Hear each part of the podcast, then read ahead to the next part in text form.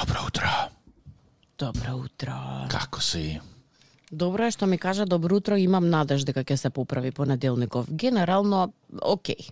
Зошто да се поправи, што не е во ред, па да треба да се Па, поправи го Зорке? заборав, го заборав фактот дека е понеделник. Денес минимум три корпи добив да јаки до работното место. Некако луѓево денес не им се отвара уста. Добро утро, велам, не ме слушаат, не ме гледаат. Аха. Викам, мала ли сум да не ме видат толкава жена?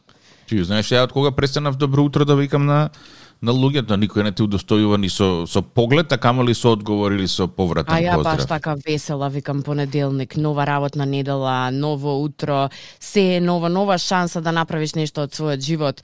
Мафтам на луѓе, на колешка и на што се паркира. М-м, м-м. Викам, добро, остана вака со раката во воздухот. Добра е, викам, понеделник. Треба некогаш да им прогледаш кроз прсти на. Временскиот намкјорлук влијае врз сите. Леле, што е со време во надвор? Никаде прочитав дека во месеците каде што има буква Р, дозволено е вака да се однесуваат, мај нема Р. Што е ова, мај Јури? Знаеш што е пострашно? Погледнав во апликациите и следниве 10 дена исто вака. Прекрасно. Совршено. Значи да не се ни трудам да викам добро утро. Не, не, не, не, не. Намкјорлук до максимум и само напред. Јас па се... ама- Кажи. Сакам да ти кажам, не може да ме скрши мене тоа што тројца нема се валја ми кажа добро утро. Никако не може да да влие негативно на мене. Гледај како сум расположена. Чекај, Барем денеска тројца, утре тројца, задутре тројца и полека полека тоа ќе почне да си неделата. влијае на на твоето его и ќе видиш како ќе си легнеш ко попче на на брашненцот. Ма Да. Не сакам да легнам на негативности, на вистина не сакам. Сакам да си легнам со позитива, да се разбавам со уште попозитива. Е, и мислам дека нема да ме скршат тие тројца што утринава не ми не ме удостоија да ми кажат добро утро. И не се срамам да кажам, грешката не е во мене дефинитивно. Добро. Нека биде по твое. Пробај Зорке, а? Пробај Нека да биде по твое, оставам така. Вчера излезе една вест разочарувачка за мене, за друга ќе се укинува Зорке. Ау, а јас па многу и се израдував. Може би утринава дел од моето расположение се должи на тоа. Не знам дали прочита и дали виде. Дека ќе се укине? Ке се укине. Па каде ќе се произведуваат сите девијантни појави потоа? Кој ќе биде крив? мислам дека оставиле добро долг материјал и многу материјал за да се прегледува на на YouTube ако на некога евентуално му прифали ова шоу. Um, синоќа за прв пат собственикот на телевизијата влезе помеѓу учесниците на задруга. Една ова е една од емисиите во кои што учествуваат, не знам дали знаеш, старлети и осудувани криминалци. Аха, види, тоа е нешто ново на времето, уч- учествуваа рандом ликови. Па не правеа доволно шоу. И тие рандом ликови, ако не се лажам, треба да функционираат во една заедница за да произведуваат нешто, така? Не знам дали ти текнува, на времето имавме и ние некој си брат што се даваше на телевизија, каде што да, на вистина рандом луѓе од Скопје од Македонија се пријавија и беа таму затворени Во еден известен да. временски период во куќата и нај онака страшното што можеше да го видиме е кој со кого се бацнал. Да. И од таму веќе се распали ситуацијата. Добро. И годиниве последни, мислам дека онака не беше ни интересно кој со е, ќе се баци или нема да се баци, беше веќе интересно кој со кого ќе се истепа, па имавме ни еден наш представник кој што го вративме плачејки назад, затоа што го истепале, па имавме Каде, во друг задруга? Да, мислам дека беше во задруга, може. Кој јадел ќотек во задруга Македон од И Имаше по порталите де слабо следиш сега ти. Бу. Е, меѓутоа, меѓутоа, е, газдата на телевизијава им кажал на учесниците, сега пред ден-два, а, дека овој повеќе кратно надградуван, телеви... не надградуван, наградуван тоа е уште пострашно, телевизиски проект. Многу се горди на, на него и дека веќе нема да толерираат однесување насилно или вулгарен речник и дека сите оние кои што нема да го почитуваат ова што тој го одлучил до крајот на оваа сезона, кога и воедно завршува, веќе нема да има нови задруги и браќа, ќе биде исфрлен и нема да му биде исплатен хонорар. Е, сега да Чекај видиме сега, не смеат да псујат повеќе, демек. нити да се тепаат, значи не смеат да се однесуваат недолично до крајот на оваа сезона, што мислам дека а, после толку време многу касно некако одлукава се носи, не знам ни како ќе се однесуваат, што ќе прават? Ќе играат карти? А, Ќе у, па решаваат кај ќе биде шоуто тука? И па нема да има више шоу. Затоа и веројатно ова ќе биде последна а, последна сезона, така решил газдата на таа одредена телевизија, а, а оваа одлука не е донесена своеволно, туку е донесена после а, петиција која што подпиша илјадници граѓани во Србија за укинување на ова реално шоу и таквите слични како ова. Леле, мене баш ме интересира кој македонец јадел кјотек во задруга, одам сега да го гуглам.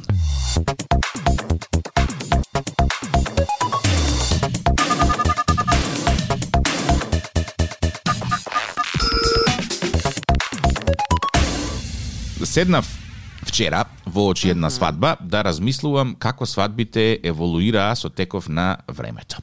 Паметам пред 20, пред 30 години, типичен локал за свадба беше хотел Континентал. Во двете сали кои што тој хотел ги има. Траеше тоа така со децении, потоа хотспот за свадби стана Александар Палас. Беше, ако не е во Палас свадбата, ти си никој, Никој и ништо. ништо. Потоа, во мода се појави и оние шаторите кои што ник на, на празни ниви малтене и финтата беше ајде сега ќе правиме свадба во шатор. Па и тоа лудило траеше, што знам, едно 5-6 години.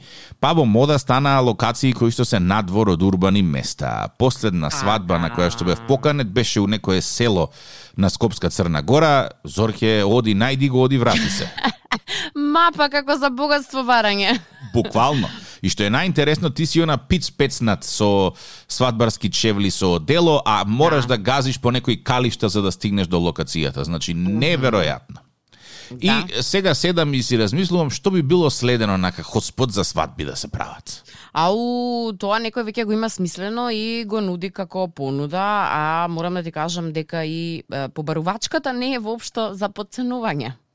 Што? Знаеш ли зашто станува збор? Не. И па, ако порано, односно сега во, во последно време, беше многу во мода да ги собереш најблиските и да одиш на крузер, да направиш свадба, или да направиш свадба, нели, како на филмовите и, и во бајките, на плажа, на златни песоци, некаде, е, додека ги слушаш брановите како е, допираат до твојот венчален фустан.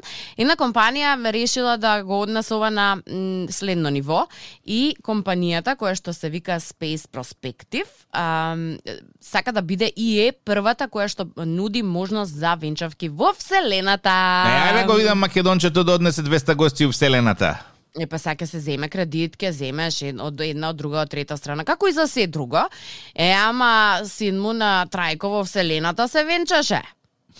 Како мислиш? Можам да го замислам Трајко уште сега како прави планови за такво нешто. Те покануваме на нашата свадба која што ќе се одржи на една неверојатна локација, пази на локација, а тоа е од Вселената. Имате неповторлива можност да бидете со младенците додека го гледаме додека гледаме планетата Земја од високо. Чекај сега, неколку прашања. Добра. Гравитација има нема? Значи ова е вселенско летало кое што се вика Нептун и во тоа вселенско летало бидејќи тие сметаат дека одржливо и безбедно, а, летаат над планетата Земја, се состои од вселенски балон, резервен основен систем и капсулата Нептун. Свадбата ја правиш во капсулата Нептун. Добро. И Да. сега Оро има можност Да. да се игра? Е па како да не, се малта гравитацијата тука Е, па може тоа на ме интересира, да дали дали дали треба ама- да носиш онаков скафандер и да леткаш во воздух или газиш цврсто на земја? Мене ме интересира како изгледа вселенскиот скафандр за невестата. И мене друго ме интересира, колку високо лета тоа летало па да може да Знаеш што, ова ќе излезе не некој маркетинг трик. Зорке 100%, ќе те качат малку повисоко од авион што оди, дур не стане темно надвор и ќе ти кажат тебе сега Сега си во во вселената. вселената, да. Бацете се. Ето. А ти ја гледаш доле земјата како согласно Мафташ твоето твои- уверување дали е топка, дали е рамна, нели? Мафташ на сите твои бивши. Уху! Јас та сам до вселената, а тука ќе се мажам. А, за разлика вели од сите други вселенски бродови каде што делот од екипажот се одвојува од другите делови при летот, капсулата тука останува поврзана со вселенскиот балон во текот на целиот лет од полетувањето до сетувањето. Сакаш да ми кажеш дека и екипажот треба да се нахрани? А за тие што постат?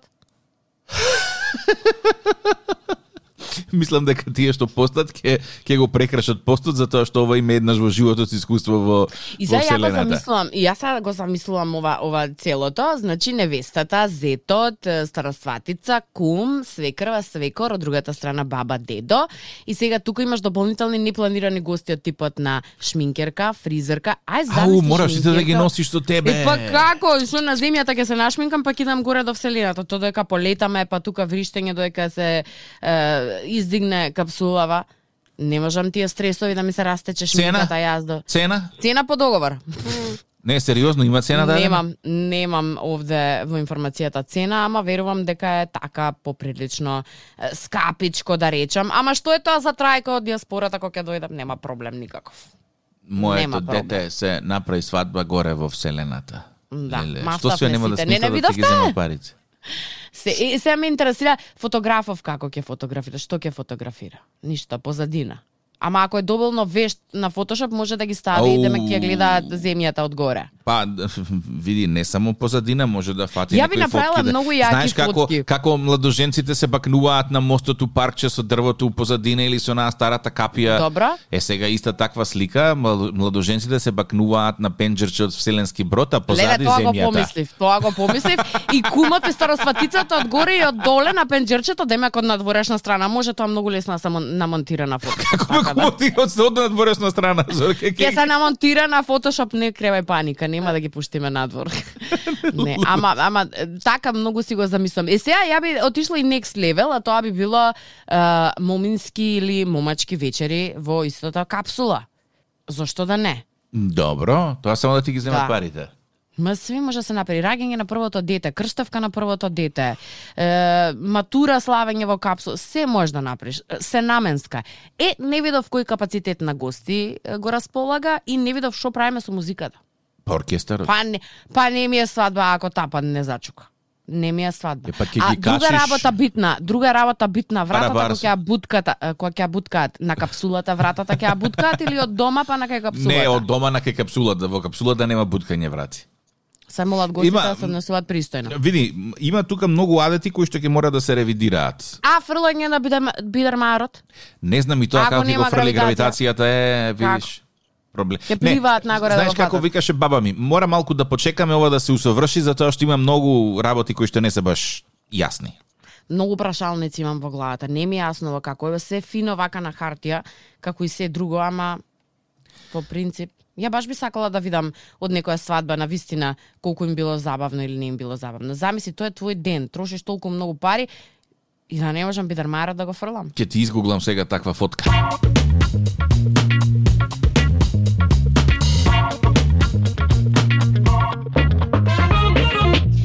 Вчера не знам дали имаше можност по 19 часот, некаде 20 часот да излезеш надвор низ улиците на малото или некој да ти до- додаде или да ти подаде информација за тоа што се случуваше. Не. Морам да ти кажам дека а, од улици и патишта, односно од осветлување или од општината, не знам кој е одговорен за тоа, ни приредија една страшно романтична вечер.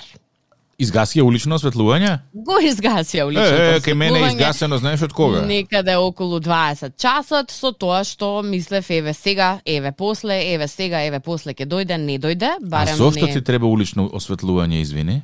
Па може ни да боже ќе ти притреба во продавница да одиш. Во недела не работен ден. А има, има продавници, има, ако ништо друго има бензинска пумпа на која што може да се послужиш 24/7. А, меѓу другото Каква некои се домакинка се враќаат од Зорки у недела да ти притреба нешто? Е, па може да ти притреба сега. Да. Ако не си испланирал во петок се што ти треба, во недела може да ти Па ќе кажам, каква домакинка си ако не си Не испланирала домакинка се сум, ајде ќе си кажам, ај знам кон што целиш.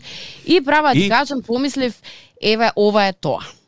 Темница, На тацна апокалипса. Ни е, на тацна ни е понудена романтична вечер како никогаш досега да се држиш за рака со партнерот партнерката за да пристапиш од една кон друга точка, не дај Боже да си на гости во комши, па ако треба да се враќаш кон 20 часот, не знам, ќе се стискаш, дали од романтика, дали од страф, дали од некој улично куќе, од нешто ќе се стискаш. Битно ќе стасаш во својот дом.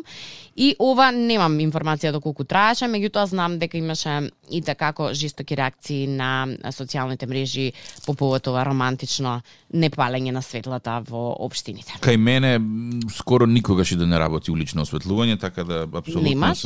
Имам една сјалица која што од Икс причини еден ден во неделата работи, а шест ден не, не, не, не работи. Ама ве радуваат, тој ден кога работи да, да се радувате. Толку е високо кога работи што ми свети директно во соба и искрено не ми одговара, така Ти да ја преферирам варијантата на- на, на темница, да. Па се, знаеш, запознај си го малото, секоја дупка, секое камче, знаеш каде е и А, сакаш да ми кажеш дека ова е дел од некое не само романтично патување, да речеме, туку и е, запознае улицата. Па да. И јас размислувам, не те Боже, ти притреба ѓубре да фрлиш, да речем. Изорке, пред две и пол години, кога нема струја на улицата, во моментот кога се појави струја, видов дека соседите поставиле два лежачки полицајци на улица. Ку знаеш што ќе видиме утре навако кога се вратиме. Така да- Не не забележав што имам пропуштено во текот на изминатите 8 до 12 часа, ама кога ќе се вратам ќе наблюдувам да видам што е тоа што сме пропуштиле и зошто беше темница. Може би чека некој изненадување од некој агол.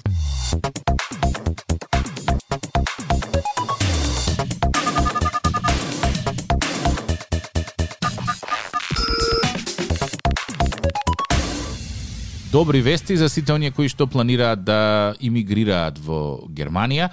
А, Освен она лотарија за работна виза, за која што патем не Добро. сум чул дека некој добил изминативе 2-3 години, германците во процедура ставаат и нов закон кој што ќе е сличен на законот што го имаат Канада и Австралија, односно ќе се добиваат поени согласно одредени квалификации кои што една личност ги поседува и доколку надминат или се до одреден број поени, ќе може да дојдат во Германија и да почнат да си бараат работа. Е сега проблемот е што ова е само за лица со возраст до 35 години. Јас и ти зорки Аха. отпаѓаме. Ништо, да. Па не може во ја Германија да одиме. некоја година до 35. Фала ти многу на комплиментот. Да, толку млада си? Толку млада, Ау. а толку зрела. Добро. Така да е, ти имаш можно, можност да заминеш во Германија под услов овој закон да помине во да ја помине процедурата низ германските собранија и да може да е, почне да функционира. Во меѓувреме ја имам еден куп пријатели кои што чекаат да добијат виза на некоја мистериозна лотарија во германска амбасада, ама со години вака чекаат и е, едно време прејки муабет со еден од нив си велам, ама бе ова е како оној филмот Hunger Games. Знаеш, Да, да, да, чекаш да. нешто, а не знаеш кога ќе го добиеш. При И тоа, дали ќе го добиеш? а при тоа, за да аплицираш за виза, треба да имаш работен договор. И сега еден пријател има работен договор, бидејќи има познат во Германија, македонец кој што има фирма и вика, абе ја друже две години имам работен договор, овие не ме извлекле на, на лотарија за виза. Кој работодавец ќе те чека две години ти да добиеш виза у Македонија? Као добар ден, добар ден. Јас сум е, тик-так, јас сакам да водам емисија на RTL 1 и германците mm -hmm. као а ја тик-так ник проблем у е, еве ти договор као добро Аха. супер кога можеш да почнеш па кога може да почнам као одма чим добијам виза Три години потоа, хер тик-так, was happened with the visa? I don't know. Нема у амбасада, не даваат визи, друже, што да ти кажам. А кажи ми, тоа излекување на виза и на лотарија, ова што е американсково, дури на германсково, дали се случува во живо, со излекување, Ма, со томбала, со се? За американското може да и да има некој пренос во живо, не сум сигурен, ама за ова германсково некако многу ми е нејасно и матно право да ти кажам. Значи а треба секој месец замислувам. Треба секој месец да се регистрираш на сајтот, па таму до 14 во следниот месец ги објавуваат резултатите на тие што се извлечени, ама некако се ми е А баш го замислувам исто како лото да, да почне да се влече. И ова се неделните добитници на виза за, пф, пример, Германија, Труби. Терен, терен, Трајко Трајковски. Мите Да. Велјановски. Честитаме. Ристе Ристевски. Вие добивте работен престој и дозвола во Гер. И па со труби. Терем, терем, тем, тем. Значи, трубите не ги забројете, молам. Некоја така фина девојка во некоја тоалета. Ја мислам дека ова многу убаво би било како како одржување. Мислам баш би го гледала дури да немам да речеме да се немам пријавена, баш би го гледала како забавна програма. Па Да со линк, со се линк да се вклучиме директно од домот на срекните добитници. Јас сум! Имаше на некое лото исто такво, исто, исто таков концепт, дали кога добива лото, поима немам каква беше идејата, меѓутоа беше многу добра. Е така, па имаш тука одма на аеродром еден представник. Да, во моментов ситуацијата е под контрола, се уште немаме е, срекни добитници пристигнати на нашиот аеродром. Ви благодарам за интересот. Се приклучуваме студио, студио се приклучува таа страна. Терем, терем, там, там. Се јавуваат во живо.